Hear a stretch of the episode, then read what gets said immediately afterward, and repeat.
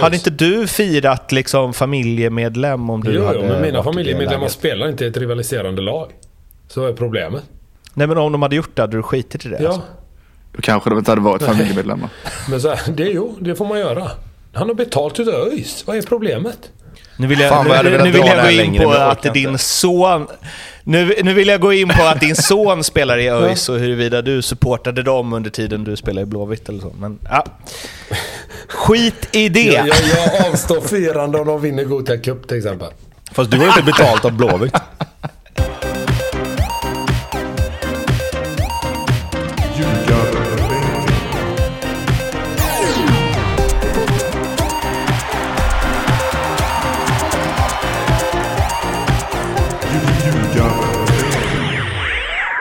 Det här är Ljugarbänken i samarbete med Betsson.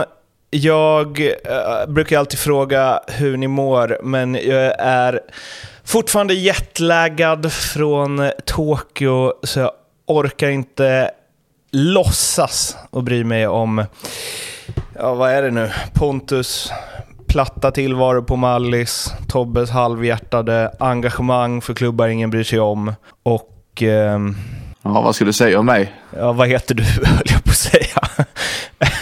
ja, det är väl någon expected goals-grej. Så jag tänker att eh, jag gör hela um, fotbollssverige, eller åtminstone de få som lyssnar på den här podden, en tjänst och går direkt vidare till något vi alla brinner för och säger grattis BK Häcken till eh, deras första SM-guld.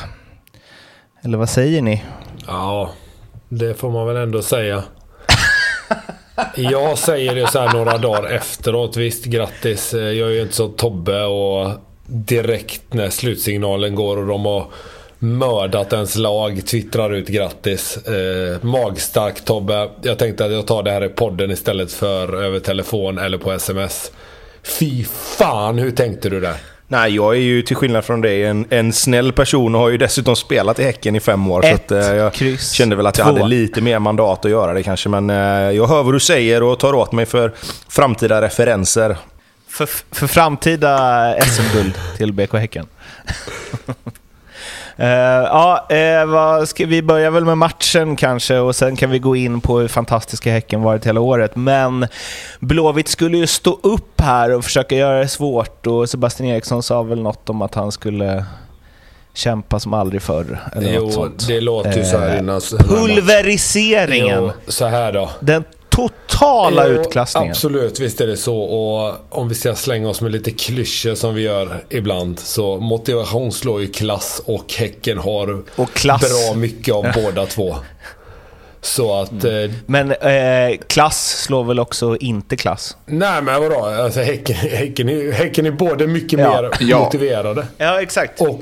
Men det är det jag menar. Och mycket, mycket, mycket, mycket Ja bättre. exakt. Så att jag förstår inte att, eh, folk gick och trodde på det. Alltså, det är klart att som spelare och tränare och sådär och som klubb så måste man ju tro på det.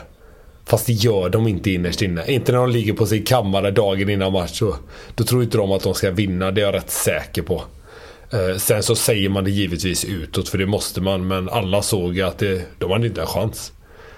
Häcken tog ju tag i taktpinnen från, från avspark egentligen och hela vägen fram till 90 minuten tills guldet var säkrat. Så det var inget snack, det var smärtsamt att se och eh, ja. Jag höll på att pyssla med lite andra saker samtidigt kan jag säga.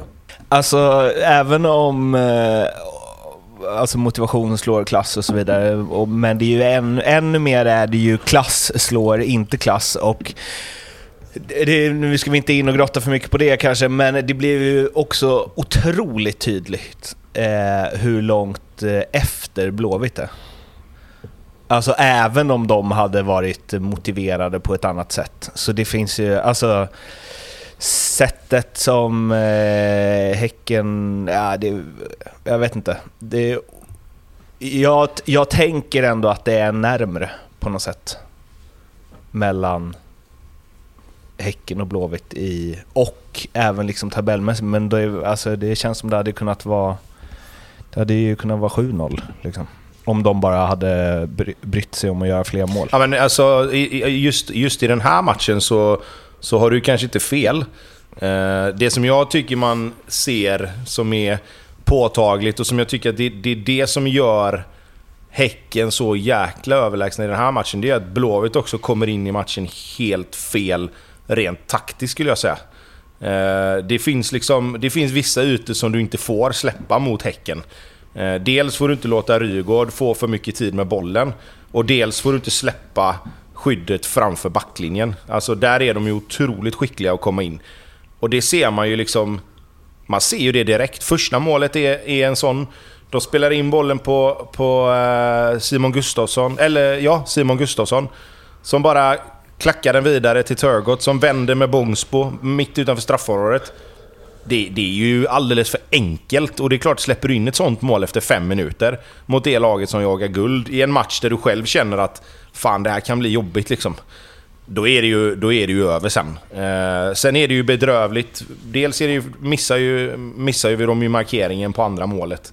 Eh, och det kan väl, alltså det händer ju. Missa markering på en hörna, är ju, det, det händer ju. Eh, och sen tredje målet så får ju Rygaard en boll och man ser ju, man ser ju när, den, när den passningen ut på kanten kommer så är det liksom det är 40 meter mellan backlinjen och mittfältet. Och han bara nickskarvar in den i en yta där han får ta emot och vända upp och sen springer han med bollen i... Han, han springer med bollen vid fötterna i 30 meter. Och de är typ 4 mot 3. Hur kan det bli så? När du vet... Alltså det enda du måste ha pratat om innan matchen, det är att vi får inte ge Häcken ytan mellan backlinjen och, och mittfältet. Och de är där, ta mig fan hela tiden nästan. För mig, ja, men för mig blir det så här, då har man inte, då har man inte läst på ordentligt. Eller så, eller så är spelarna som är ute på plan för uppe i att vi ska kämpa och springa, så att man springer och jagar folk till höger och vänster utan att tänka sig för eh, riktigt. Eh, och så blir det fel på grund av det. För så mycket yta som, som Rygård och, och vad heter det, Simon Gustafsson hade emellan, alltså där normalt sett om man säger då Gustav Svensson brukar ändå ligga och skydda. Det, så mycket har de aldrig haft. Framförallt inte första halvlek. Det var helt sjukt. Eh, Häcken har ju under eh, det här tuffa slutschemat de haft vunnit allt de ska eh, vinna. De har gjort det, även om det inte varit med 4-0 varje gång, så har det varit trygga segrar var vi inne på sist. Och det har känts ganska lugnt, typ. Som att eh, de, eh, har ju, de vet vad de behöver göra och de har gjort det och hade de behövt göra mer så hade de gjort det också. Hur om vi ska ta ett lite större grepp kring det då. Hur blev det så här? Att BK Häcken, även om det är få poäng, så känns det ändå som att... Eh, var det sta, eller vem var det som sa att någon... Var det Real Blåvitt som skulle promenera hem allsvenskan, eller vad var det? För massa år sedan. Eh, men det här var ju lite promenad, eller det var ingen promenad, men det var ju ja, en powerwalk i alla fall. Jag kan släppa över den här till Pontus faktiskt, för att jag ska ge mig på och säga och, och hävda att mittfältet i Häcken har vunnit den här serien åt dem. Uh, och det har ju Pontus varit inne på ganska mycket innan, att du måste ha... Du måste vinna mittfältskampen. Så att, uh, men innan han ska få vidareutveckla det kanske om man vill, så, så vill jag bara säga att jag tycker det är så det har varit. De har haft överlägset bäst mittfält och vunnit matcherna där. Ja, alltså. Det är väl exakt så det är. Jag vet inte hur mycket man kan utveckla det egentligen, men... De fick ju Berggren att se ut som en eh, världsspelare i första halvan av serien. Sen låg bara Simon Gustafsson och väntade på sin tur och tränade sig i form. Och när de skickade Berggren då. Eh, jävligt bra gjort utav både Häcken och, och kul för Berggren att få bli utlandsproffs. Så låg ju eh, Simon där bara och väntade och så kom de in med ännu mera kvalitet i laget. Rent spelmässigt och då blev de ännu bättre. Så att den injektionen, klart att den gjorde mycket. Rygaard och Samuel är ju också... Det är ju klassspelare rätt igenom hela serien. De har ju varit bäst på respektive position i, i jämfört med alla lag skulle jag säga. Eh, så nej, det, det tar emot att säga men de har varit överlägsna på mitten faktiskt. Om man ser över hela serien. Jag såg någon tweet eh, av, från någon MFF-supporter tror jag det var. Att eh, bröderna Gustafsson, Rygaard, Jeremejeff, slanta upp 100 miljoner och så kör vi. Eh, Bayern München, eh, hur de behandlade Borussia Dortmund under många år. Men det är en sak som jag har tänkt på eh. lite här nu på sistone. även diskuterat med lite folk. Just det här med bröderna Gustafsson. Jag var inne på att de inte hade så lyckade sessioner. Där fick jag lite mothugget av er. Men att man inte köper dem som ett paket. om man är ett annat lag. Förstår ni vad jag menar?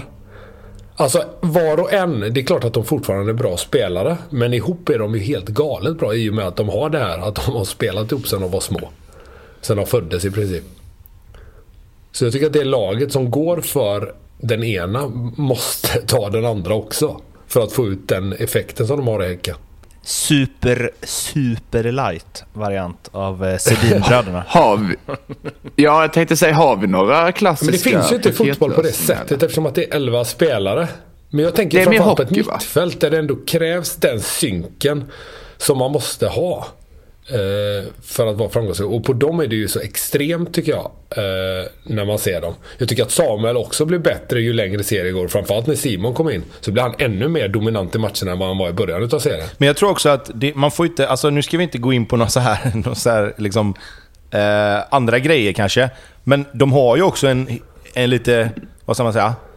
De har ju ett synk som ingen annan har just för att de är tvillingar. Alltså det har man ju ändå läst och hört tillräckligt mycket om för Ja, att kunna Det- säga att det är någonstans någonting är det som säga, finns liksom. där. Alltså, och, och jag tycker att jag, Det är jag är det lite inne på din, på din linje med där. Att man, att man kanske ska försöka göra det så. Att man, att man ser det som att fan, tänk de här är bra individuellt sett, men tänk hur bra de är tillsammans. Sen läste jag, eller hörde jag en intervju med dem nu precis innan den här eh, matchen som var nu i, i helgen. Där de faktiskt sa att de hade utvecklats mycket som personer och spelare just för att de har blivit behandlade som individer. Att det blir ju väldigt lätt att man klumpar ihop de två. De kommer upp i, i Fässberg, är bra ihop, man pratar om dem som tvillingar. I och med att de ser likadana ut så, så blir det ju lätt att... Ja men det blir ju som vi säger här, det blir ju som ett paket. Och nu när de har varit iväg och gjort sin egen grej på, på, på sin egen... Om man säger på, på, i, i två olika lag och på två olika ställen så har de också utvecklats som personer och människor ifrån att folk ser dem bara som en spelare.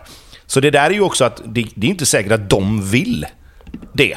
Eller så har de märkt nu att de har varit iväg och varit ifrån varandra och känner att Nej, men nu fan hade det varit kul att göra någonting tillsammans. Men det är ju också en grej man får ha med sig att fan, de har ju säkert blivit Mm, ihopbuntade sen de var små. Liksom. Och det är inte alltid man vill det. Nej men nu kanske det, alltså de kanske behövde den här tiden ifrån varandra för att bli ännu bättre Ja, men absolut. Men, men det finns ju också en, en faktor i det hela Alltså, som kanske inte har att- velat gå till samma lag innan. Men eh, alltså, det, ja, vilka, det, det är ju en utländsk klubb i sådana fall. Väl? Alltså det här med Malmö FF kommer ju aldrig hända, till exempel. Alltså, och då Nej, de går ju inte, de Nej. går inte inom Sverige. Nej, det kommer de aldrig göra. SM-guld med Häcken, det kan jag inte tänka mig. Nej, och där, kän, eller där tänker jag att det försvinner lite va? Att så här, eh, Torino, eh, vad var de innan? Torino och Råda, de, de tänker nog inte så mycket så här, mm, ett paket, nu, nu kostar det mer. Också bra för motståndaren, räcker med att skada en.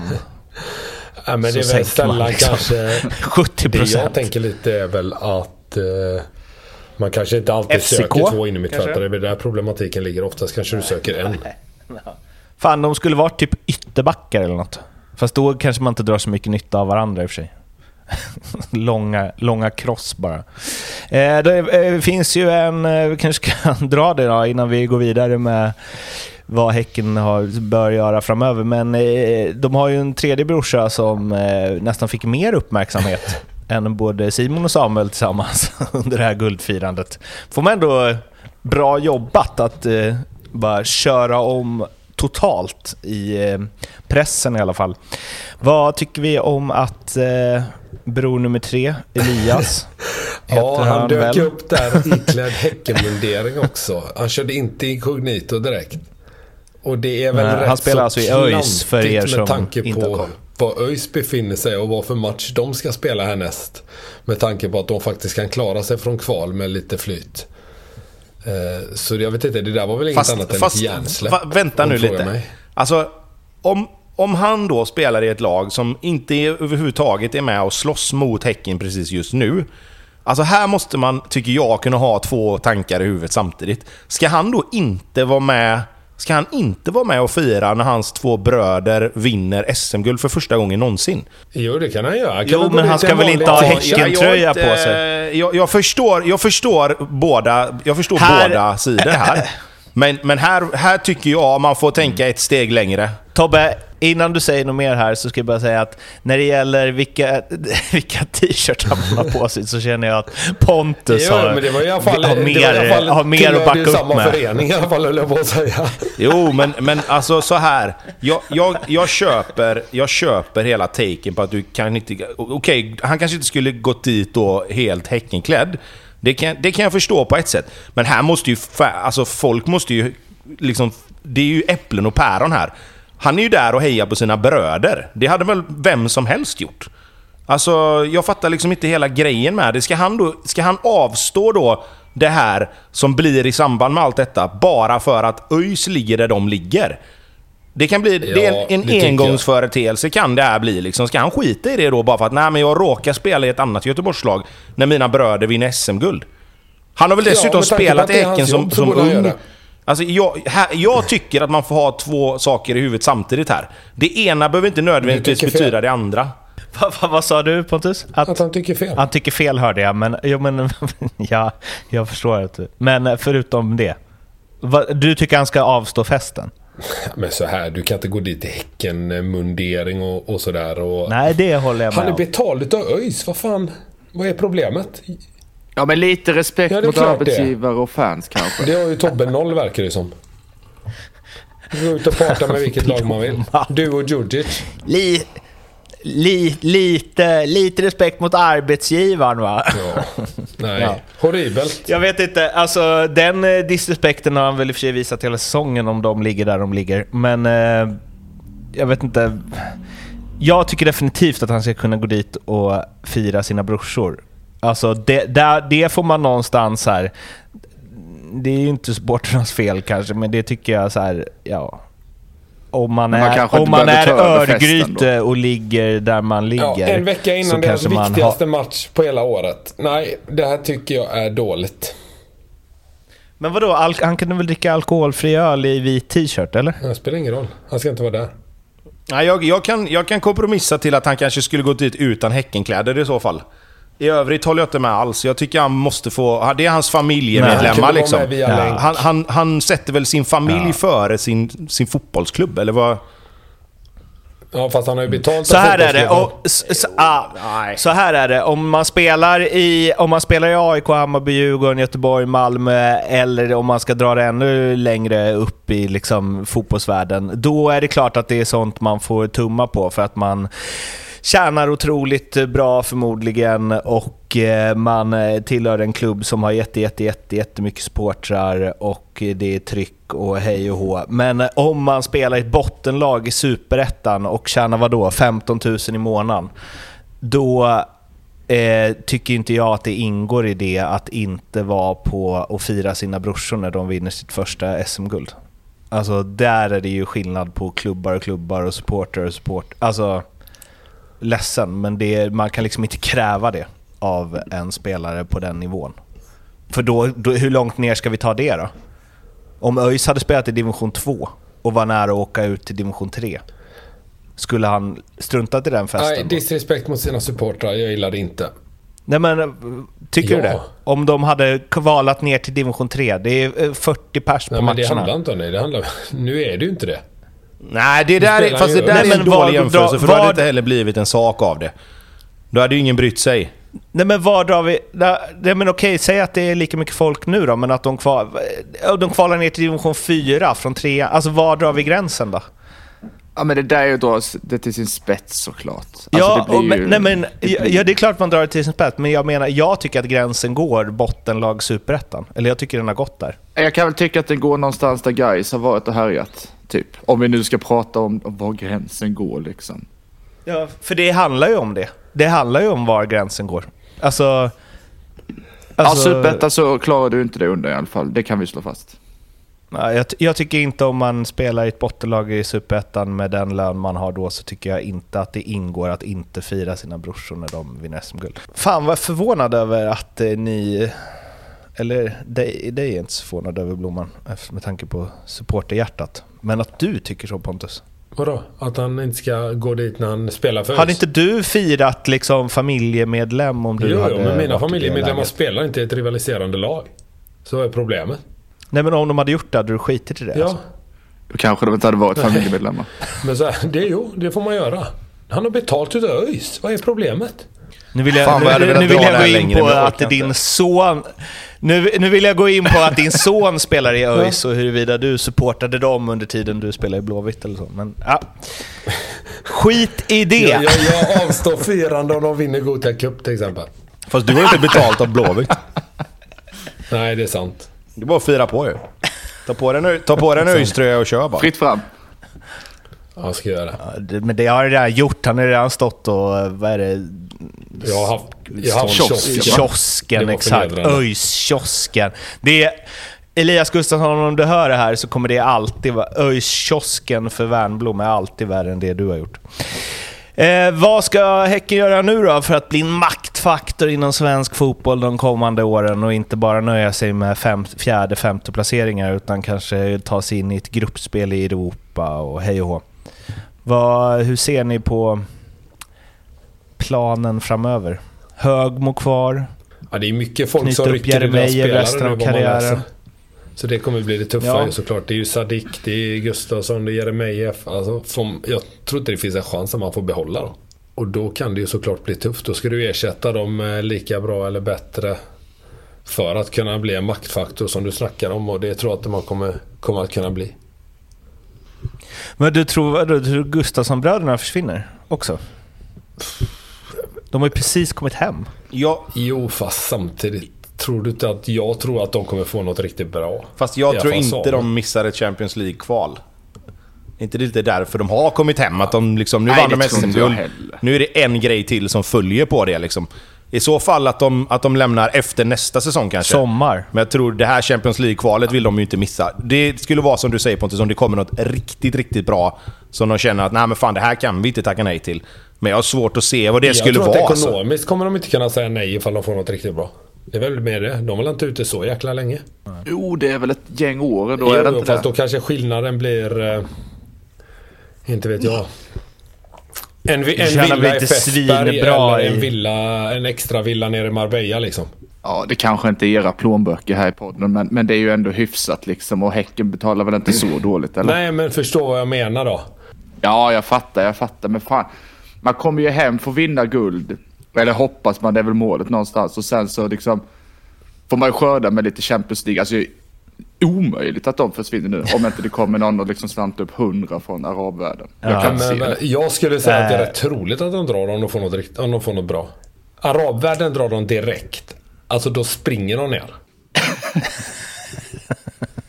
Känns det inte som de har pigmenter för arabvärlden här? Det kan bli mycket brännor. Om vi säger så här då. Jag, hör, jag förstår vad du menar och jag, är det så många som kommer från ara, arabvärlden fortfarande som, som liksom bara går in och plockar spelare från Sverige direkt? Tar de inte dem när de är ute? Alltså, jag hade förstått mer om, om typ eh, ett lag från Qatar eller, eller Saudi eller, eller något av de länderna hade tagit dem när de var i Torino eller Utrecht. Men det är ju sällan de kommer till till Sverige väl ändå och kör nu. Eh, och om Häcken gör en... Alltså de går ut med att vi ska, vi ska ge det ett ordentligt försök och, och kvala till Champions League. Liksom. Eh, vi ska försöka ha kvar alla, vi ska försöka plocka in en eller två riktigt, riktigt bra spelare. Vad, tror, tror inte de är lite sugna på att testa det då ändå? Alltså, jag tror ni lever med någon slags önsketänk att fotbollsspelare tänker på det sättet. De tänker oftast med plånboken och det tror jag att grabbarna här kommer göra med om de får chansen. För att hade de inte stannat kvar ute De då? har, ju, de har ju avslutat, de har gjort det de ska. De har ju vunnit SM-guld liksom. Men, men hade de inte stannat ute om det hade varit så? Har de inte gjort valet redan att komma hem för att liksom någonstans... Ja men vi, nu har vi testat det ute. Fast gick det inte lite grus i maskineriet då? Det var väl därför de Jo, åkte hem? men, men jag menar just att... De, de hade ju säkert, alltså båda de två måste väl... De hade säkert kunnat stanna ut om det verkligen bara var att stanna ute. Jag tror de tjänar rätt bra i Häcken alltså. Häcken har ju pengar dessutom.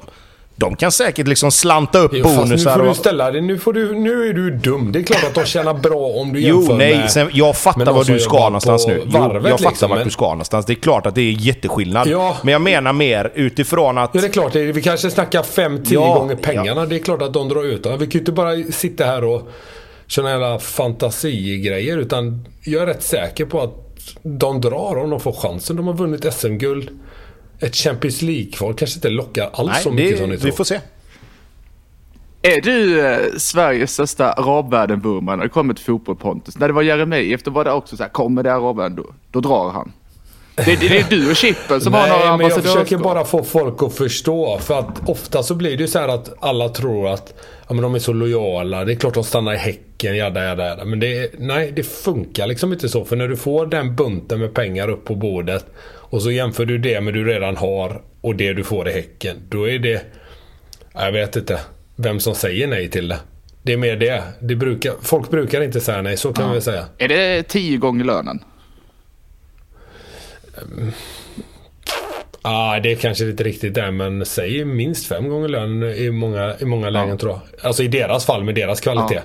Det är inte så att de skriver på ett första kontrakt och går till Holland nu. Men eh, så- så här då, och lite som eh, du sa Tobbe, att så här, hade de inte plockat dem när de var utomlands då där var det väl... Då kan man väl välja andra spelare framför dem i och för sig, eh, med tanke på hur de presterade utomlands, även om de var bättre än vad vi trodde. Men är det så jävla givet att det kommer bud där pengarna är så bra som eh, så att man inte kan tacka nej, som du säger Pontus, för Häckens alla spel. Alltså, de är ju bra, absolut. Men det, vilka klubbar är det som ska liksom slanta upp fem gånger Häckenlönen? Som, som tycker de är så bra, så att de är värda det. Sen måste de köpa båda också, har vi ju rätt ut. Eh, Men fem gånger Häckenlönen är ju inte så mycket. Det är klart att om man tittar på vad de tjänar i Häcken, det är klart att det låter mycket. Men det är inte mycket rent fotbolls... Alltså, Men vad då tror du att de Europa. går till liksom... Eller vad, tror du det finns lag i, vad vet jag, undre halvan i franska ligan som bara, ja men de här Gustafsson-bröderna. Nej, aldrig. Nej, jag Nej, tror men, det inte är inte heller det, det. men det är inte det han har varit inne på heller. Han har ju varit inne på arabvärlden. De är väl de enda som kan skicka upp de pengarna som skulle krävas. Det finns ju inget Jo, men- lag i Europa som... som alltså, de, Nej, men de kommer aldrig har hamna i ett lag i Nej. Europa som är så bra att de kommer slanta upp de pengarna som Nej, gör att det exakt. kommer vara värt. Och Nej, men det har vi- arabvärlden men det har vi som har de pengarna, de kan väl locka... De kan, väl, kan inte de bara eh, locka över Köpenhamns bästa spelare istället? Om de nu vill ha Jo, men, nu- men nu är du inne Alltså- på något helt annat. Resonemanget var ju kring om arabländerna kommer och kastar upp pengar, om de går eller inte. Nu, det här är ju en helt annan ja, men jag menar, ja, men jag, Och då vill jag vända på, kommer de ens göra det?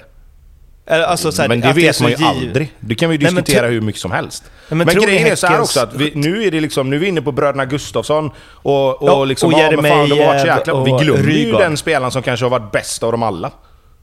Rygård, kommer han vara kvar? Alltså tio, han är ju gammal. tio mål och x antal assist från en offensiv mittfältsplats liksom. Alltså...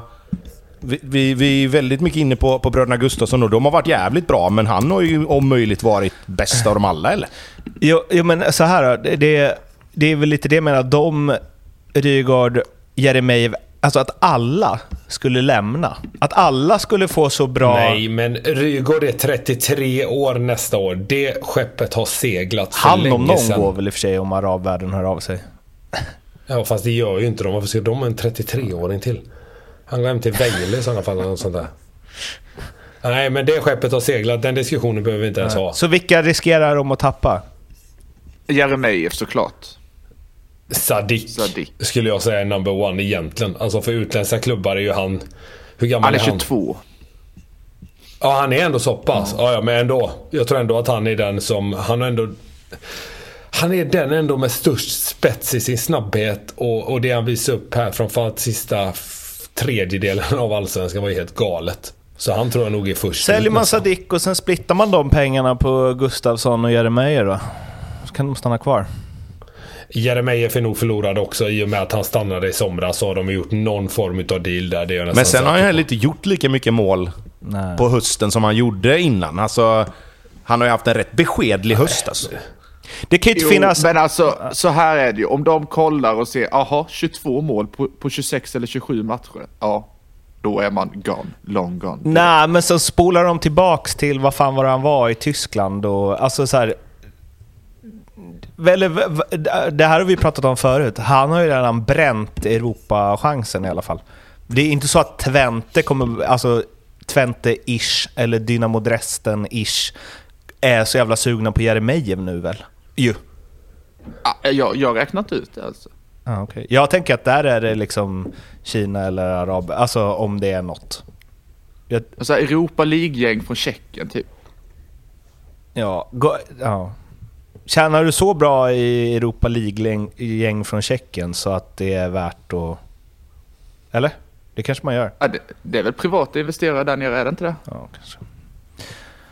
Azerbajdzjan. Jo men Tjeckien känner väl rätt bra. Har inte de ett Sparta Prag och Slavia Prag mm. de här som har satsat mm. rätt hårt? Och där är Jeremejeff liksom högt. Alltså jag tänker att de har gått förbi eh, DMK eh, liksom, de är borta från det nu. Att de väljer från högre hyllor. Men jag kanske har fel.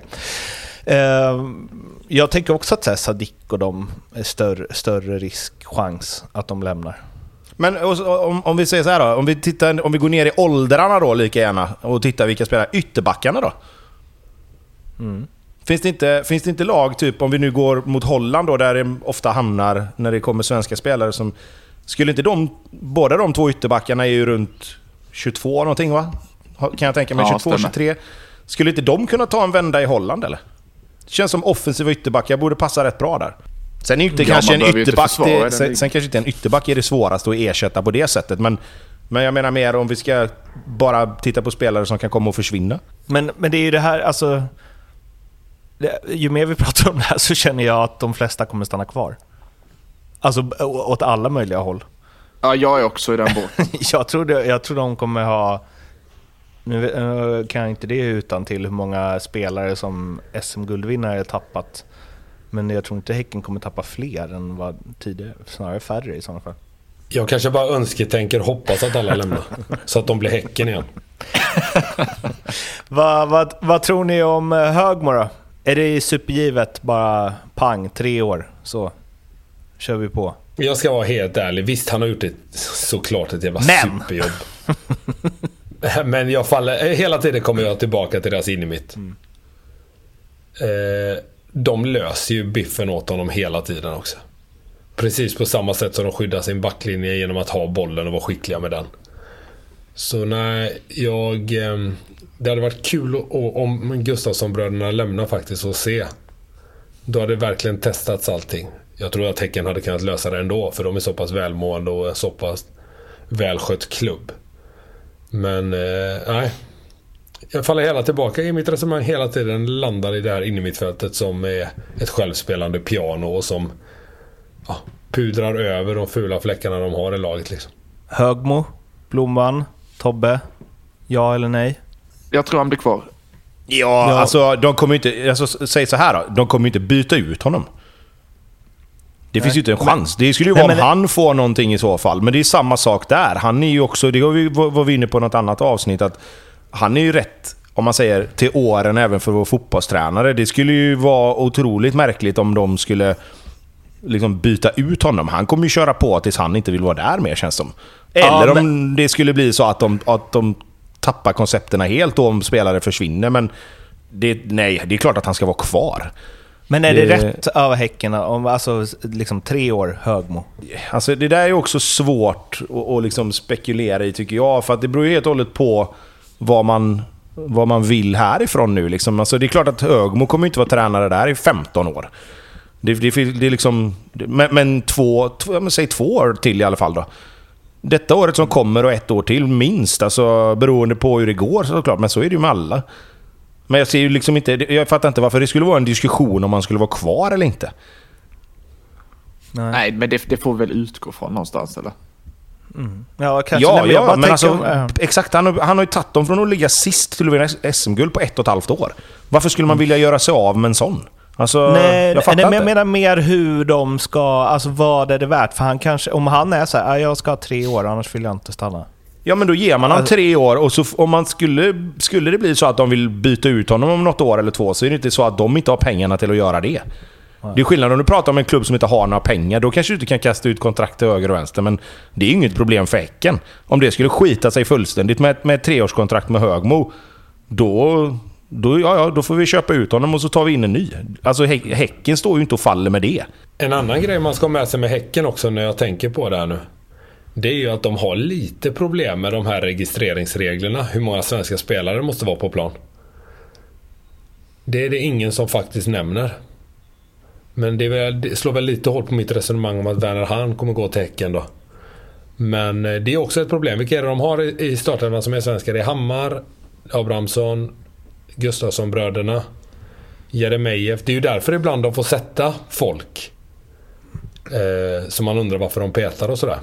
Den hade jag inte tänkt på. Nej, du är på en annan nivå Pontus. Helt sjukt. Det är vi som har lirat fotboll manager som har det resonemanget. Ja.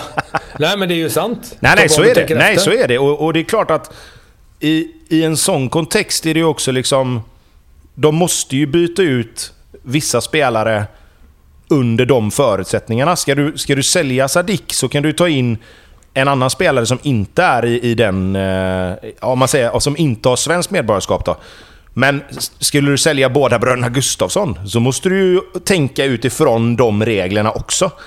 Eh, så det är klart att där har du... Precis, då måste det in två Ja, men alltså, och, och det, låter ju, det låter ju lite hemskt när vi pratar om det, men reglerna är ju som de är. Eh, och det är klart att du kan byta ut Sadik mot Uddenäs för, alltså för, för att balansera det där. Men just som du säger Pontus, att de, de reglerna, det är ju samma, det var ju lite grann nu åt det hållet på väg med Malmö också. Ja, precis. För visst är det så att det är reglerna som är eh, i truppen va? I matchtruppen så ska Ja, det, det är vara... Det är sex Fan, det är det dåligt utlänningar man får ha va? Eh, enligt regelverket i Sverige får enbart nio utländska spelare användas i en allsvensk matchtrupp.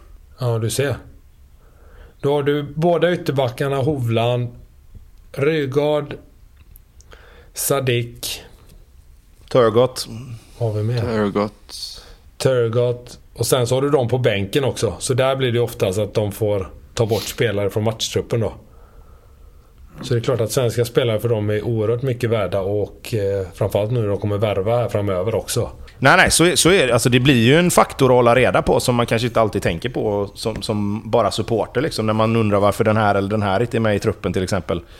Eh, och det är klart att det, det blir ju, precis som vi säger, då, ska du då bli, blir du av med bröderna Gustafsson och Jeremejeff så är det ju då, då är det ett lite större problem än vad, än vad det har varit annars. Liksom.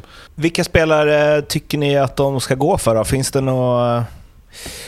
Finns det några givna som eh, de borde förstärka med? Som också är rimligt liksom? Jag vet inte. Jeremejeff ut, Antonsson in. Är det någonting? Ja, det skulle det väl kunna vara. Alltså jag tycker det här är ju jättesvårt eftersom det beror så mycket på tycker jag. Angående det vi just pratade om, vilka som lämnar. Vad fan!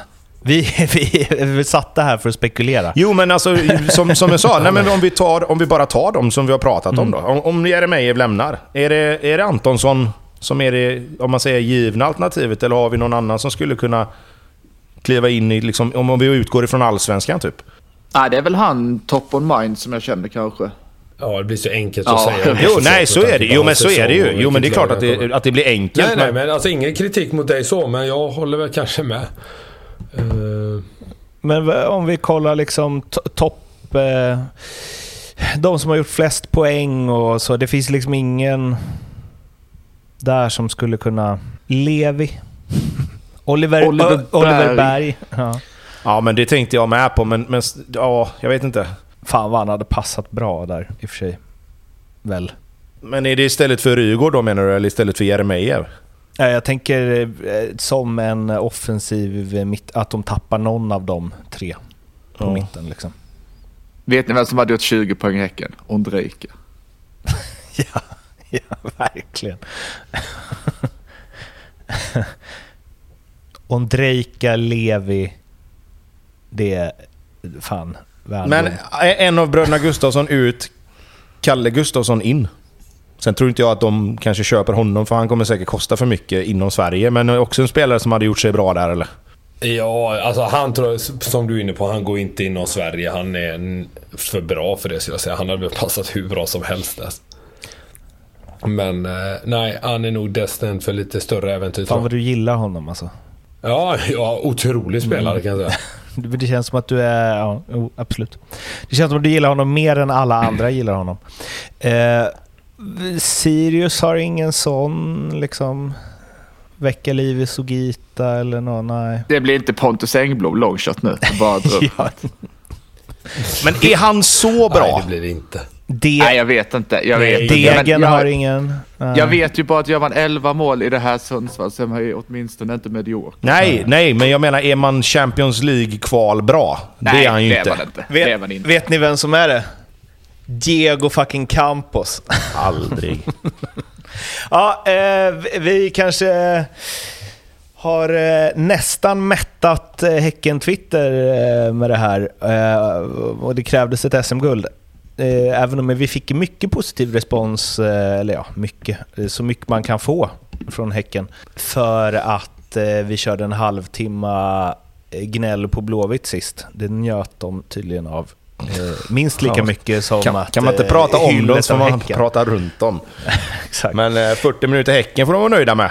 Med all rätt i och för sig. Det, är ju, det har ju varit Men jag vill, också lag. att, jag vill också att de har med sig att om det hade varit liksom Hammarby som hade vunnit SM-guld så hade det ju varit eh, såna When We Tre Were timmar. Kings.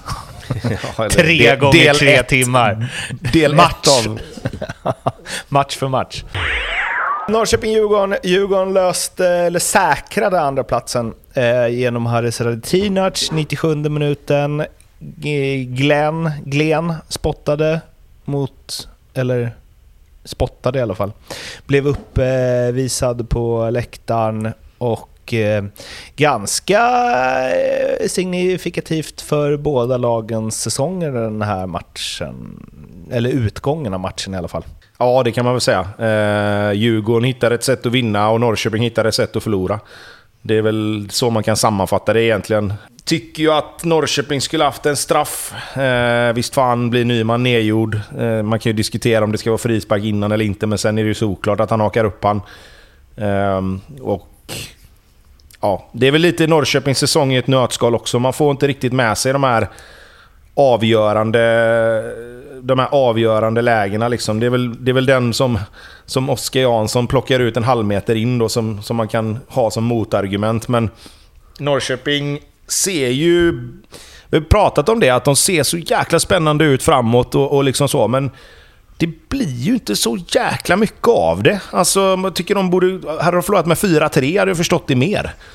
Men... Alltså, eh, för, förlåt, men, jag måste bara säga nu, eh, bara jättesnabb återkoppling. Men Häcken har inte råd med Sigurdsson eller?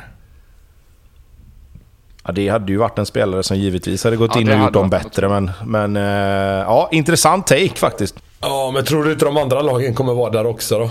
Det är, det är ju mer som Malmö. Malmö-känsla kanske. Malmö, Hammarby, Djurgården.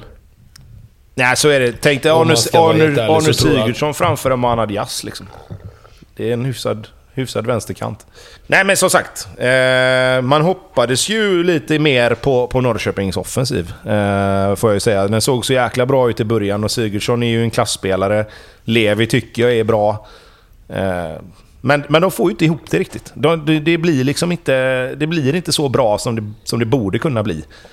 Uh, och det kan ju ha lika mycket med att göra med deras säsong och att den är körd och att...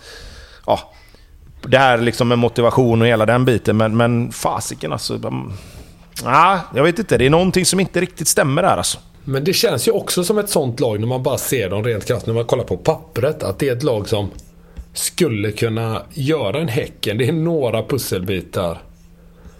För rent spelare för spelare är de ju skickliga. Framförallt framåt som vi har varit inne på. Det är ju defensiven som vi har gnällt otroligt mycket på. Men framförallt att få ihop helheten. Då tror jag ändå någonstans att det kan bli riktigt bra. Du har svängt lite där, ju sämre det gått för dem. Ja, jo, Nej, men jag fatt, alltså, Nej, där var det väl vad, Det var ju vad de skulle komma i förhållande till Blåvitt. Jag kan väl revidera det tipset kanske. kanske. Men eh, det är ju alltså eh, Alexander Fransson ryktas det om. Det är ju, nu var, ju, var väl han inte så jävla bra sist han var där i och för sig, men han har ju kvaliteter förstås på allsvensk nivå. Alltså får de in honom, eh, eller liksom en bra mittback, en bra innermittfältare och Totte och Totte. Nyman inte skadar sig. Jo, ytterbackar absolut, men det behöver ju liksom inte vara... Det behöver inte vara absolut högsta klass där för att de ska Nej men så, så, som Tobbe, de behöver ju få ihop Mm, jo, det, men det, är liksom. mer, det, alltså, det känns ju mer så tycker jag. Att de Ja, eh, får in tre gubbar och sen så sätta det de vill sätta. Alltså, jag tror också... Jag tror de kan komma liksom utan jättemycket justering. Nu ser jag att det är mycket liksom på Twitter som säger vi måste ha sju nya spelare i startelvan och bla bla. Jag tror inte alls det. Jag tror det räcker med tre. För att Ja, men de ska kunna jag, klättra jag, upp säger, mot jag skulle Europa. vilja jämföra med Häcken där lite. Nu blir det mycket Häcken, men det, det, det blir ju så med all rätt. Men Norrköping behöver ju ha ett mittfält som skyddar sin backlinje lite mer. Alltså framåt är de ju jävligt bra. Alltså det kan vi ju konstatera. De har ju spelarna framåt. Det, det är ju bara, det är bara liksom, det behöver vi inte ens diskutera. Men de har ju ett mittfält som blir överkörda mer eller mindre. Vi, vi kan tycka att Jakob Ortmark är jättebra och vi kan liksom prata om andra spelare på det där mittfältet också. Men det, den lagdelen är ju den lagdelen som måste bli bättre och den måste sitta ihop mer för att skydda de fyra där bak. Jag, alltså spelare för spelare så tycker inte jag Norrköpings backlinje är så jävla dålig. Men de får heller inte den hjälpen de behöver. Alltså skulle... skulle du kan sätta Håller in en med ny... 100 procent. Du kan sätta in en ny mittback istället för någon av de som är där. Du kan plocka in en ny, framförallt vänsterback kanske är i den positionen. För, för jag menar, att Ekpolo gör en katastrofsäsong, det, det kan vi ju konstatera, men han, det finns ju någonting där. Han är ju inte helt plötsligt bara en jättedålig spelare. Han hyllar vi ju när han spelar i Häcken. Hittar han den nivån som han ska ha, så är det en bra spelare. Linus Wahlqvist eh, likadant. Men de måste ju också ha ett lag framför sig som gör att man skyddar dem och, och tar bort deras svagheter. Om de nu har X och Y som svagheter, då får ju resten av laget kompensera upp för det. Då får du ha en defensiv mittfältare som ligger och städar framför dem. Du får ju ha en högerytter som kanske tar lite mer hemjobb utifrån att hjälpa ytterbacken då. Nu är ju Ekpolo liksom bra defensivt. Ja, då kanske du behöver en... Då, då har du Levi där. Ja, bra, då kanske inte det spelar någon roll. Men på andra sidan då? Ja, men vi har en vänsterback som kanske inte är lika bra defensivt. Då får du ha en annan typ av spelare på den sidan. Och du, får ju liksom, du, kanske inte kan, du kanske inte kan spela så framåtlutad som Norrköping vill. För nu känns det som att ja, men vi har bra spelare framåt, nu trycker vi framåt så mycket vi kan. Och så de gångerna det inte riktigt funkar, jaha jävlar, nu blir det gata åt andra hållet. Det, det är ju den, precis som vi pratade om, det är den helheten du måste få in. Du måste ju skydda de spelarna som du behöver skydda i ett lag. Alltså, det är ju där nyckeln är. Och där man hittar den nyckeln, det är ju det som Häcken har gjort nu. Precis som Pontus är inne på. Han, hans resonemang utgår ju från att Häckens mittfält är så bra att deras backlinje, som kanske egentligen inte är så bra, behöver inte... Liksom, de, de, de får det skyddet de behöver. Ja, men lite perspektiv på det här då. Vi pratar om att Kalmar har haft lite så här, de vinner 1-0. Det är inte liksom tiki-taka, åtta mål i varje match där. Norrköping har alltså gjort lika många mål som Kalmar. Hur bra är det egentligen framåt? Och då är det inte jättestor skillnad på antalet mål före sommarfönstret och efter. Nej men grejen är ju att... Nej, men man tittar ju på Ja, spel. Jo, Ja. jo, jo, men Det är ju det. Ja. men grejen är ju att de... All, alltså back, eller liksom, som Tobbe sa om mittfältet nu, det gör ju att allt blir otryggt. De släpper in skitbilliga mål hela tiden. Jag tycker också att backlinjen är bättre än så här egentligen, spelare för spelare. Även om man kan tvivla under den här säsongen. Eh, men det gör ju också att de hamnar, de hamnar ju i underläge nästan hela tiden. Det finns liksom ing, alltså, det är klart att det påverkar även framåt ju. Och sen har de ju bränt en del. Alltså de har väl, Totte Nyman hade väl liksom skyhögt eh, expected goals kontra vad han hade gjort en normal säsong. Alltså, Nej, jag tycker det är många som kommer undan som lever på namnet i det här laget. Att det ser bra ut på pappret och så vidare. Men alltså en sån som Levi som ofta nej, hyllas som... det honom gillar inte jag heller. Nej, alltså vad fan. Han har gjort 22 poäng på 55 matcher i ett lag som ska vara rätt bra framåt. Och då spelar han 90 nästan i samtliga matcher där. Det är inte så jävla vasst. Med tanke på hur han benämns ofta. Inte bara här utan i generellt sammanhang. Alltså tänk i år har han 6 plus 7 och då har han 2 plus 2 i en match mot Sundsvall. Det är inte jättemycket kvar sen och det är start i typ alla matcher. Kanske jag- inte är så bra. Nej, jag kan, kan kanske hålla med. De borde värva Pontus Engblom för övrigt. Ha som Totte Nyman backup. Det gick ju bra när vi värvade Hallenius. ja, exakt. Eh, ja, fan, det konstigaste utslaget någonsin. När Hallenius blev klart där, då trodde alla bara nu blir det guld. Nu är det, nu är det 100% guld. Eh, men eh, hur mår han förresten? Ja, men han det, borde det är väl... många andra där uppe som har tagit rubrikerna i år. Ja, lite så. Men han borde väl rimligtvis svara tillbaka snart va? Nej, tror ni han, inte han, han tror inte han är kompis med Lasso? Jag tror Men det. drog inte han korsbandet precis i början av säsongen eller? Alltså typ, var det... Var inte det genrepet? Ja eller men precis, säsongen? det var väl precis innan Allsvenskan började i april där och då är det, vad är det, sex månader, lite drygt va? Sex och en halv kanske, så att rimligtvis borde han väl vara... Ja, om det har gått bra och inga bakslag så borde han väl vara ute i träning när de drar igång. Eller det kommer han ju definitivt vara, men sen får man väl ta det lite lugnt med han i början för att nu har de ju verkligen inget, inget bråttom med det liksom. Byter väl plats med BP nästa säsong. Varberg, Malmö. Eh, Malmö, vi kan väl... Ja, Toivonen vill ju uppenbarligen att Degerfors ska vara kvar i Allsvenskan. Det visste vi ju innan, men att han skulle leverera så här. Eh, tre baljor.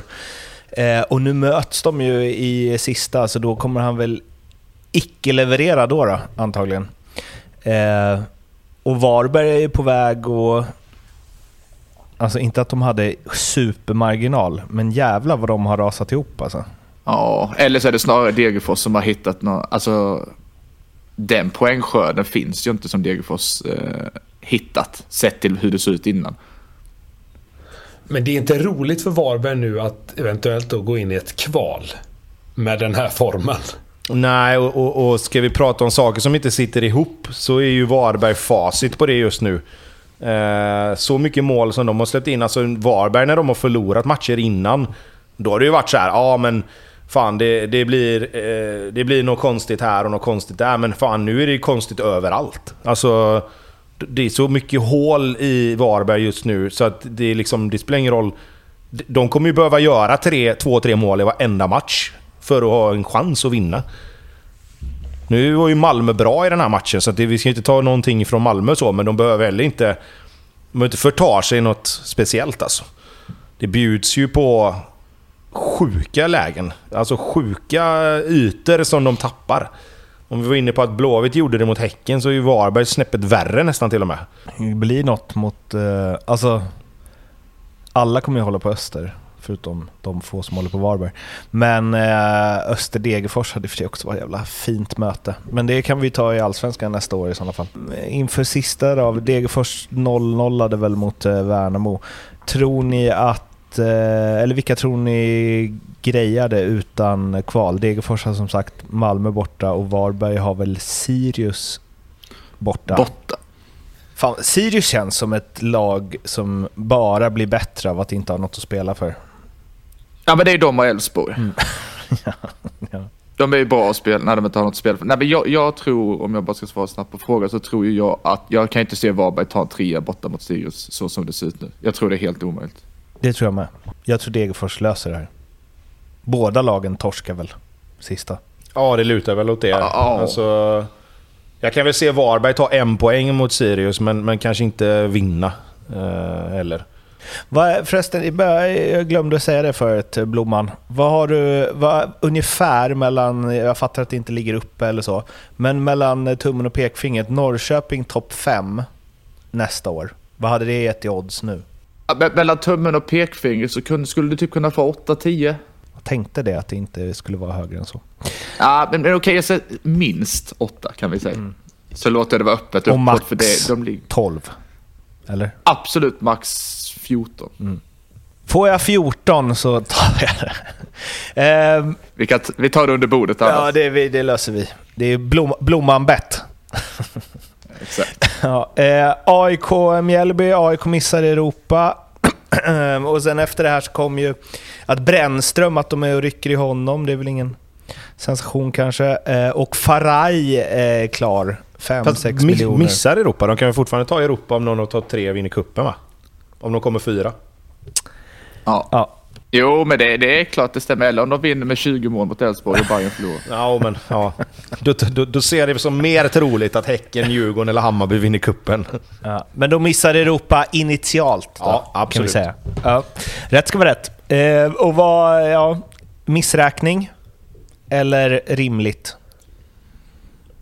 Alltså frågar den AIK. Så det är klart att det är en missräkning. De har väl alltså definitivt minst topp tre som krav i, i den föreningen. Och speciellt med Guidetti hem i somras och hela den biten. Och med tre egna spelare på plan, alltid. Eller hur var det? Ja, det är något sånt ja. Ja, eh, och är det Brännström då som ska höja det här till nästa år? Känns jävligt tveksamt. Alltså för mig så Då kunde de väl haft kvar, kvar Bartos? Det är väl typ samma, eller?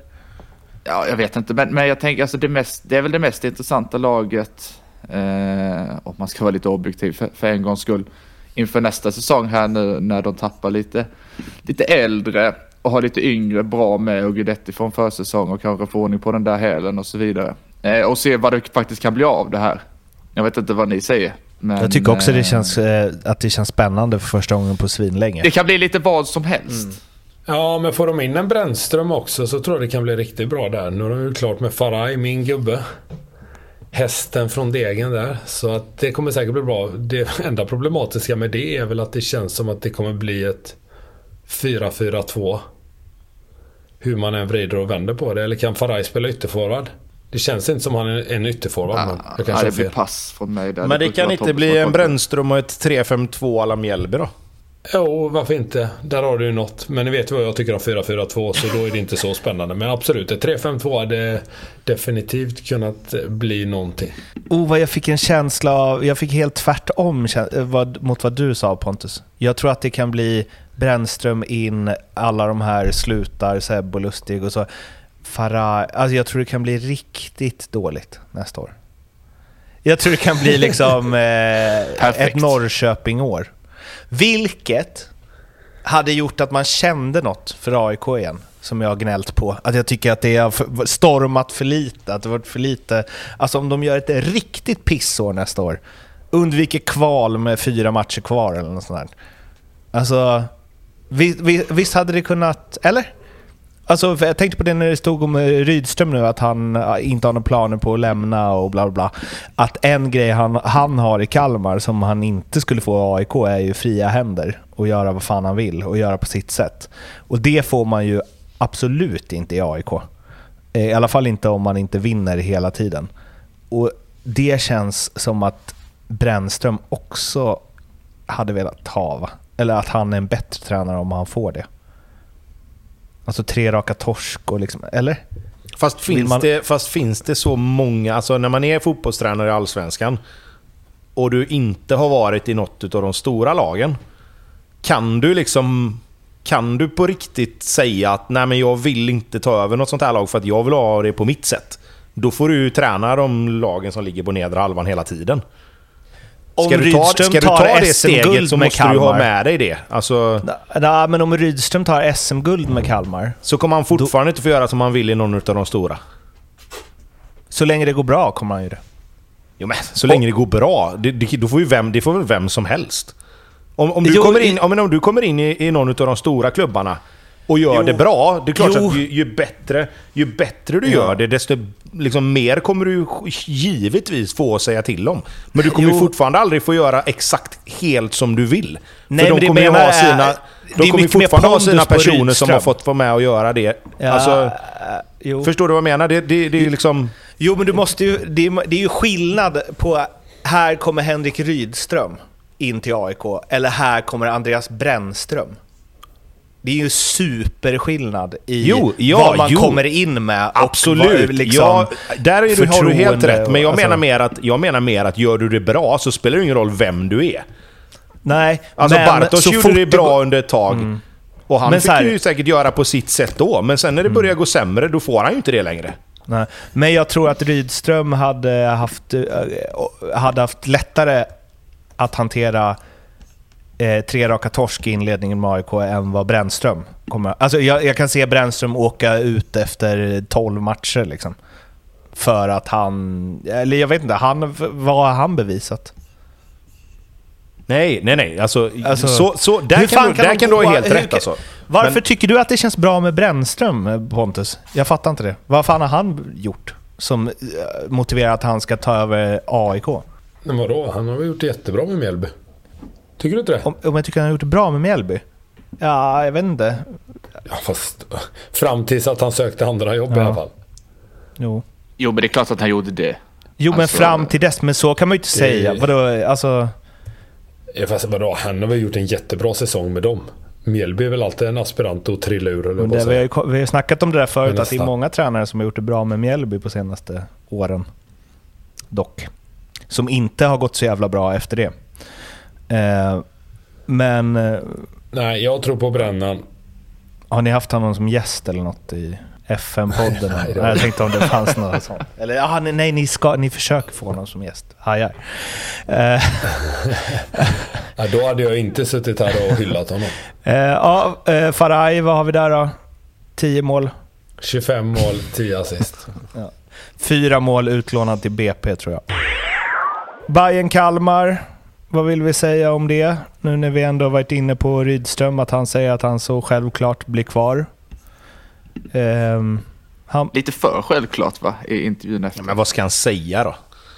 Jo, jo, nej men det, det säger ingenting om, men det lät, det lät så otroligt övertygande. ja, han lät också så... Ja, ja, verkligen. Jag tror inte att det där är något han säger. Bara. Jag tror att han... Eh, Du tror han blir kvar? Ja, det- han kändes så jävla ointresserad av... Jag kan också se han vara helt ointresserad av att träna AIK eller Malmö. Alltså jag tror inte det handlar så mycket om att han inte vill träna AIK eller Malmö. Jag tror bara inte det passar just nu. Jag tror att han, alltså han har ju, han har ju liksom börjat bygga någonting här nu och kommit igång ordentligt. Eh, jag tror han snarare vill se hur långt han kan ta det. Han vill nog ge det något år eller två till. Eh, Men va- Men är inte det konstigt? äh, Finns det inte något knäppt med det där? Att för så här, om det går bra för Kalmar, då kommer han inte lämna. Om de bara blir bättre och bättre, för det kommer ju sluta med SM-guld då till slut. Och då kommer han ju definitivt inte lämna. Eh, Eller så, alltså om de tar sig till Europa kommer han aldrig lämna Kalmar. Och om de inte gör det, om det skulle gå dåligt, kommer AIK och Malmö eller någon Hammarby eller någon klubb som han möjligtvis skulle kunna lockas av, kommer de vilja ha honom då? Ja, men, så, jo, det tror jag. För att det fin- han, har ändå, han har ändå byggt upp ett rykte kring sig själv. Där han har en, en spelidé och en, en, en filosofi kring fotboll som jag tror tilltalar många. Eh, jag tror det blir ganska enkelt. Om det skulle börja gå dåligt för Kalmar så tror jag att vi kommer kunna tillskriva det att han inte riktigt har fått samma spelare som de som har lämnat. För, för så länge de spelarna som är där nu är kvar så kommer de ju spela på exakt samma sätt. Skulle det vara så att Carl Gustafsson, Oliver Berg, eh, någon mer, eh, kan inte ta dem bara på uppstuds här nu, skulle lämna och så kommer det in nya spelare som kanske inte de träffar rätt på exakt lika bra. Då tror jag att man kommer liksom tillskriva det att ja, men de är inte riktigt lika bra spelare och sådär. Jag tror att Henrik Rydström har en dålig säsong i sig utan att det skulle betyda någonting. Ja, han kommer få stanna i Kalmar. Men Nej men tänker- överhuvudtaget, alltså hans rykte kommer inte... Det kommer inte påverkas av en sämre säsong. Det, det tror inte jag. Så Utan, tror- utan och- snarare och- tvärtom. Jag skulle nog vilja säga så här. Jag tror att det kan i sin tur göra att han kanske känner Aj fan, det går inte att ta det här längre här nu. Nu får jag, testa, det- nu får jag testa något nytt liksom. Så om de kommer liksom nia nästa år eh, och Malmö letar tränare igen efter nästa år, då tror du fortfarande de är sugna på Rydström? Ja, det tror jag inte är, det är ingen omöjlighet. Jag tror inte att, jag Ja. tror inte att hans... Om vi säger då, jag tror inte den, det tåget har gått för honom bara för att han har en lite sämre säsong.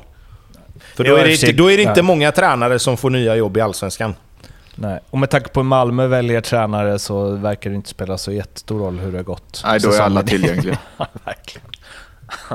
eh, vad var Bayern säkert Europa? Hur känner du med den här säsongen, Blomman? Eh, en säsong som varit rätt mycket upp och ner, halvstökig på sina håll, men som man... Topp tre är för mig alltid godkänt i, i det läget som man befinner sig i nu och har gjort de senaste åren. Och jag tror att Bayern bör bli bättre nästa säsong.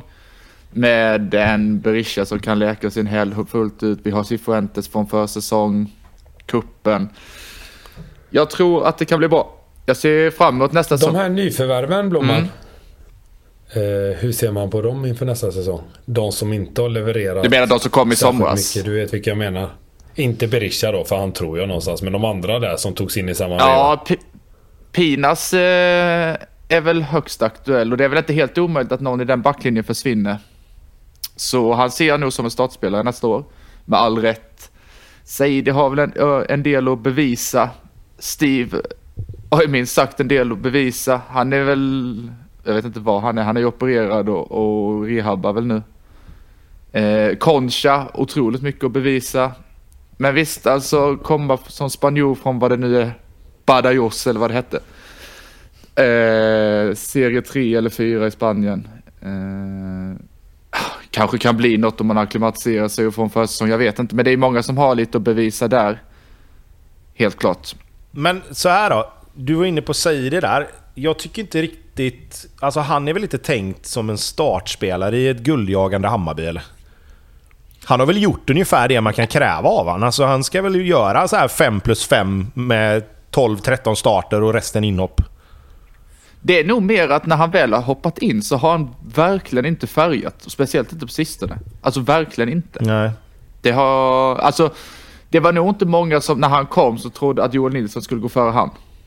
Nej, men, men jag, menar, jag menar mer att Till man får ju exempel. bedöma sig det utefter, för, utefter rollen han, om man säger, ska ha. Eh, Steve var ju Ja, liksom... Nu, nu har ju han kanske inte fått göra sig själv rättvisa utifrån att han har varit skadad och liksom sådär, men... Men jag menar, han, han har vi ju fullständigt dödat med, med, med kraven och förutsättningarna han kom med. Och Berisha lite grann... Alltså han, Berisha går ju mer åt det hållet eftersom han också blev uppskriven och liksom med, med prislapp på hela den biten. Men Saidi tänker jag mer utifrån att han var väl egentligen, visst nu betalar de rätt bra för honom för att vara en, om man säger då, backup-spelare. Men han var väl inte tänkt att komma in och göra 10 mål på hösten. Och utifrån det så har han väl ändå gjort det helt okej. Okay. Alltså, jag tycker väl så här, och det tror jag jag kan tala för en del och ändå, liksom att för det första så tycker jag att, ja men det är också, det, det har sett för dåligt ut när han väl varit inne. Och för det andra att det har bli, blev så med att så Steve försvann och hela den biten, att Joel Nilsson var den som tog den platsen är ju också någonstans ett litet minusbetyg till Saidi. Att inte det är Saidi som tar den, då blir ju det också lite extra effekt på det hela. Eh, och det är väl någonstans där jag, jag kommer väl aldrig se att han kanske är någon startspelare som, som gör 15 poäng i Bayern. Det tror inte jag han någonsin kommer bli. Men det jag tror det skon klämmer för mig i alla fall är att det ser för dåligt ut. Det händer för lite kring han när han varit inne. Därav så, så kan jag knappt liksom godkänt på sin höjd. Ja, okej. Ja, det, det vet ju Jo. du bättre som ser han hela tiden. Jag tänker mer att man kanske inte ska... Man, man får bedöma honom efter vad, vad han har för liksom status och roll också. Ja, såklart. Jo, men, men jag tycker nog ändå jag tar, tar det i beaktning. Ja, okej. Ja, ja, nej, men då så. Nu snackar Bojanic bort också. Vad tycker Nej, det, det, är- det, kan är ju att magsår. Det är ju total mardröm i så fall. Och den spelaren hittar man inte så lätt. Nej, det finns ju inte. I, i Sverige. Och få, Nej. det går ju inte. Nej, det där kan bli tufft för dem. Eh, jag, jag hoppas ju att... A- alltså det är, bara, det är ju nästan så här. Ge han ett papper, skriv vad du vill ha och så blir det så liksom. Det är ungefär så man känner. Ja, de har ändå pengarna att göra det.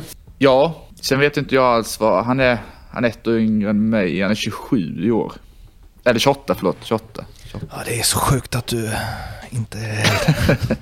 Eh, nej, men han är 28 liksom, så det är, väl- det är väl nu eller aldrig lite så om man ska ut och, och spela i något halvroligt lag med den spelstilen som han har och den positionen. Det är väl det klassiska, det finns tusen Bojanic ute. Nu kanske det inte finns det riktigt, men, men Italien, Spanien där så det är många som kan stå och dirigera på mitten. Eh, så det är väl sista chansen nu. Spontant känner jag, om det ska bli något kul Europa-äventyr för Bojanic. Annars så blir det ju någon, ja, arabvärlden är vi tillbaka kanske, senare. Jag vet inte. Vad tror ni om Bojanic? Tror ni han lämnar? Jag är rädd för det. Jag är rätt säker på att om han får eh, Europachansen så kommer han väl försöka ta den. Annars är det ju som du säger, det är ju sista chansen lite.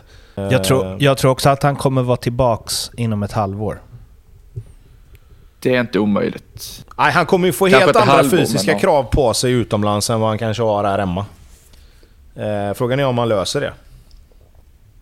Jävlar vad han blir bra Fast då. det tyckte inte jag var hans problem. Nej, då. men det, det, tycker, det tycker inte jag heller. Det där, är- det där tycker jag är en liten myt om jag ska vara ärlig. Nej, men jag menar inte, jag menar inte att, han inte, alltså att han inte kan springa. Alltså inte så, missförstå mig rätt. Men jag menar, det är liksom... Jag, jag tror det blir så. Alltså han har ju en jävligt skräddarsydd roll i Hammarby. Och frågan är om han får den på exakt samma sätt i ett annat lag. Liksom. Ja, Ja. Ja, jag hör dig. Jag Hade hör jag- det. hade, alltså... Ska inte han bara skriva livstid? Vara kung på Söder? Ja, jag, är- jag är anti-livstid, givetvis. Men du fattar vad jag Men, menar. eh, nej, men, men det är klart att... Han att kan bli styra Bayerns eh, mittfält som ett topplag i Allsvenskan i tio år till ju. Det är bara... Ja, lite så är känslan nu i alla fall. Nu kanske det inte riktigt stämmer, men, men det är ju vår klart bästa spelare. Det är det. Om, jag, Och viktigaste. om, jag, om jag är tränare så sätter jag ner han först och sen Fenger tvåa. Men det kanske är därför han måste dra utomlands då, för att så här, nej det gick inte. Jag spelar i Hammarby jämt från och med nu. Alltså, det, det är sådana spelare man vill ha. Spelare som... Nu kanske jag är snabbt ute här, men ni får ju rätta mig eftersom ni har mycket bättre koll på hans karriär än vad jag har. Men Selakovic var väl lite så, liksom, drog utomlands, gick OK men inte jättebra. Och sen så när han kom hem så var det liksom så här, okej jag har testat det där, nu kan jag vara en toppspelare i Allsvenskan resten av min karriär. Och alltså det är ju sådana man vill ha som man så här, mm, ah, det var, det var okej utomlands men inte mer än så. Nu vill jag bara vara här. Så skulle ju Bojanic kunna bli i Bayern.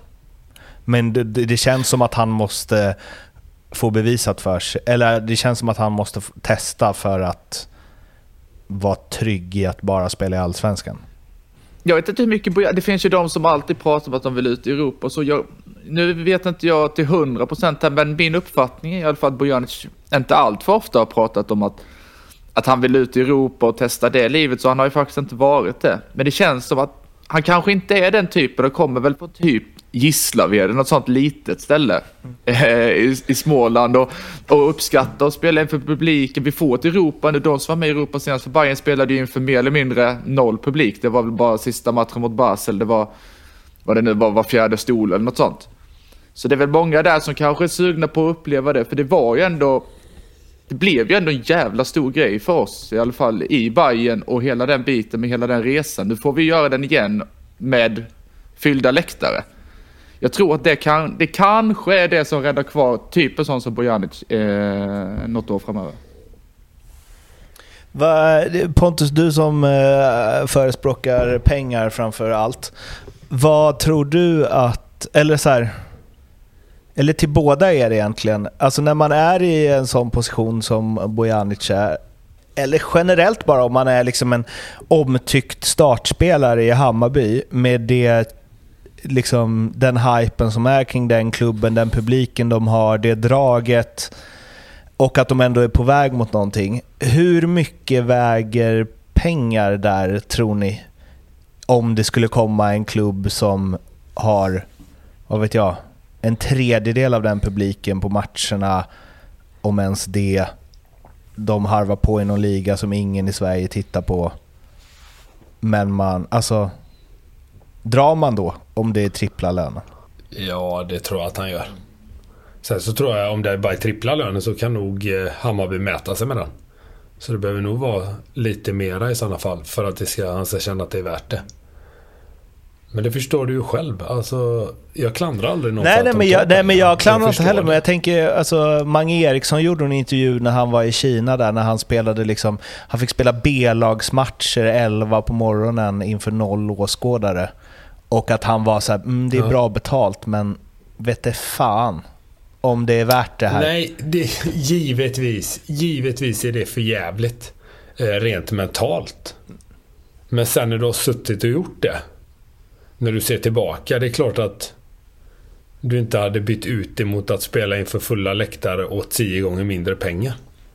Så är det ju. Alltså sen om du har hela karriären så, absolut. Då kanske det, det inte funkar liksom rent mentalt att göra det. Men eh, nu har han ju varit i Bayern så pass länge. Han har fått uppleva det där. Det är klart att han, att han tycker om det där men... Alla är olika, men jag tror att de flesta, som jag var inne på innan, väljer plånboken. Eh, och då...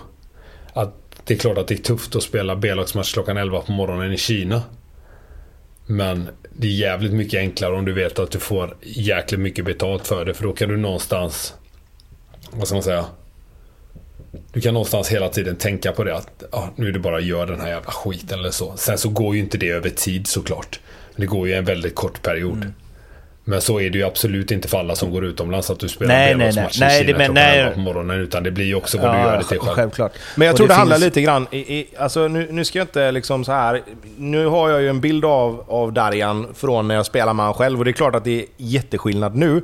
Men för mig handlar det lite grann om hur mycket han vill pusha sig själv också. Alltså vill han ha den här nya utmaningen och verkligen testa på en annan nivå så, så är det klart att då kommer han ju ta den. Eller så känner han sig rätt bekväm i att vara bäst i Allsvenskan på sin position. Han spelar som vi pratade om i ett lag som har jättemycket publik. Han tjänar bra med pengar. Han är liksom på ett ställe i, i livet där han kanske värdesätter att ha det så här. Han, han är trygg i att spela i Hammarby, han tycker det är kul. Nu blir det dessutom Europa. Han kommer vara med och, och slåss om ett SM-guld mer eller mindre varje år de här åren som kommer. Om inte någonting anmärkningsvärt händer. Kanske är han nöjd med det liksom. Ja, och det är väl lite det kanske jag var inne och, och touchade på, även om jag inte sa det rakt ut. Att det kanske är så, för det har ju inte alltid varit en spikrak karriär uppåt sett för Darja Bojanic. Det vet vi allihopa. Av olika anledningar. Brommapojkarna Halmstad klara för eh, Allsvenskan nästa år. Jag såg någon, glömt vem det var, som twittrade att eh, om eh, han får att BP lirar i division 1 om två år så tar han det direkt. Eh, och eh, jag var ju inne på det sist lite, att det känns väl sådär kittlande med eh, Brommapojkarna. Känns väl ärlighetens namn sådär kittlande med Halmstad också, för det känns också som det är liksom uppan och neran. Jag ser inget att det ska så här, oh, de här lagen kommer, de har något på gång som kommer göra att de etablerar sig i Allsvenskan nu. Men jag har ju heller inte liksom gnuggat 90 minuter alla deras matcher i år. Så... Vilka har det i Superettan och det är inte många? Nej. Nej, inte, rent, inte rent kvalitetsmässigt. Alltså, däremot så finns det ju, det finns ju klubbar som är mer som eller mer... mindre ja, redo exakt. att gå upp i Allsvenskan. Liksom. Och Halmstad är väl verkligen en sån klubb som ändå borde kunna vara redo för det. Vi pratade om Öster innan. Där finns ju liksom... Där tror jag väl att det borde kunna finnas en, en beredskap för att kunna klara sig kvar. Men, men rent kvalitetsmässigt så är det bara att konstatera att BP har ju varit bra. Alltså de, de är ju... Alltså, med den, med den liksom, eh, vägen de har valt att gå och som de gör, så kommer deras unga spelare... Alltså, det, det, kommer ju alltid nya spelare hela tiden, vilket gör att de alltid kommer ha någon sorts grundnivå. Sen är ju frågan, BP har ju aldrig valt att, om man säger, satsa på att verkligen hålla sig kvar i Allsvenskan, tycker inte jag.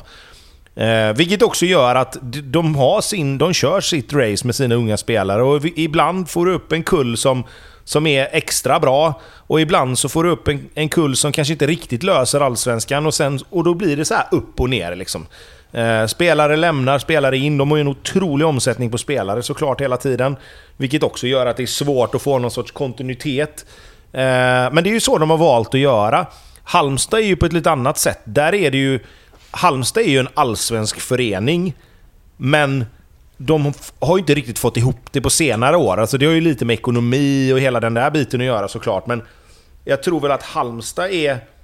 Halmstad är ju en sån klubb som skulle kunna locka till sig lite spelare som skulle kunna bli bra. Alltså, Halmstad har ju mer dragningskraft än vad Varberg har till exempel. Det, det, är jag ju helt övertygad om. Att, att de spelarna som, som är på den hyllan där Halmstad och Varberg ska plocka för nästa år, om vi leker med tanken att Varberg klarar sig kvar, så hade man ju hellre gått till Halmstad än Varberg. Tänker jag. Ja, ja. Definitivt. Men om, du, om, en, en sista grej då om BP där. Det ska bli otroligt spännande att se vissa av de här spelarna som har varit i BP nu. Vi får se hur många som blir kvar och hur många som redan är på väg till andra lag. Men, men oavsett så lär vi få se många av de spelarna som har varit i BP i år i Allsvenskan nästa år. Oavsett om de spelar i BP eller något av de andra Stockholmslagen eller lag som de kanske eventuellt hamnar i då. Sen vill jag bara säga till eh, BP's supporter. Det är väl, eller support, det är väl Carola och någon mer.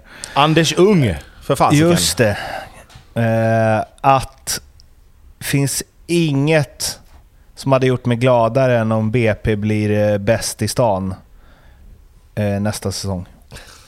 Men jag bara... Det oddset vill jag ha på uppstudsblomman. Men, men, 500.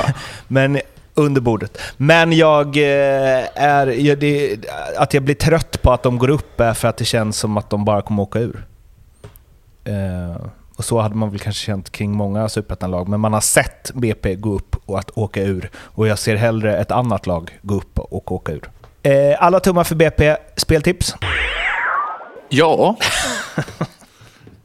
Säsongens sista. Ja, nu Ja, jävlar blir- kommer mitt- de vakna! Mitt blir ju faktiskt ett speltips denna veckan. Istället för spelvarning, eftersom jag satte min. Ja, just det. Och det var jävla med inte ens nära att det inte skulle gå in heller. Den var klar. Påminn mig och lyssnarna nu vad det var du hade. Ja, jag hade ju att Häcken skulle vinna och att Malmö-Varberg skulle bli över 2,5 mål. Ja, just Och det. den var inne efter en kvart i båda matcherna typ. Ja, frågan är, frågan är om det inte är säsongens bästa tips än så länge. Ja, det, var den, det var den som blev klar tidigast i alla fall, kan man säga. Ja, Så att, eh, ja, ja det, är, det är en bra måttstock om inte annat. så är det.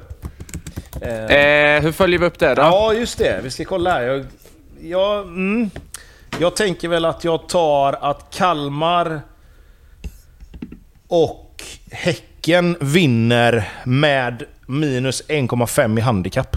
Mm, alltså att Häcken och Kalmar vinner med minst två mål. Mm, precis.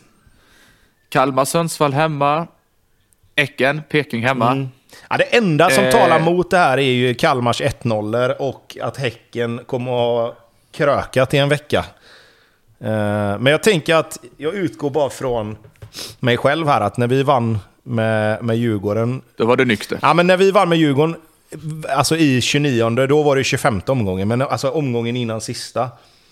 Alltså du, du går ju ut, vi hade ju hemmamatch sista med då, eh, mot Elfsborg, och jag, jag bara kör på den linjen. Vi slog Elfsborg mot... Vad är då det blev 7 Nej, 0 eller något? 8-1 blev det.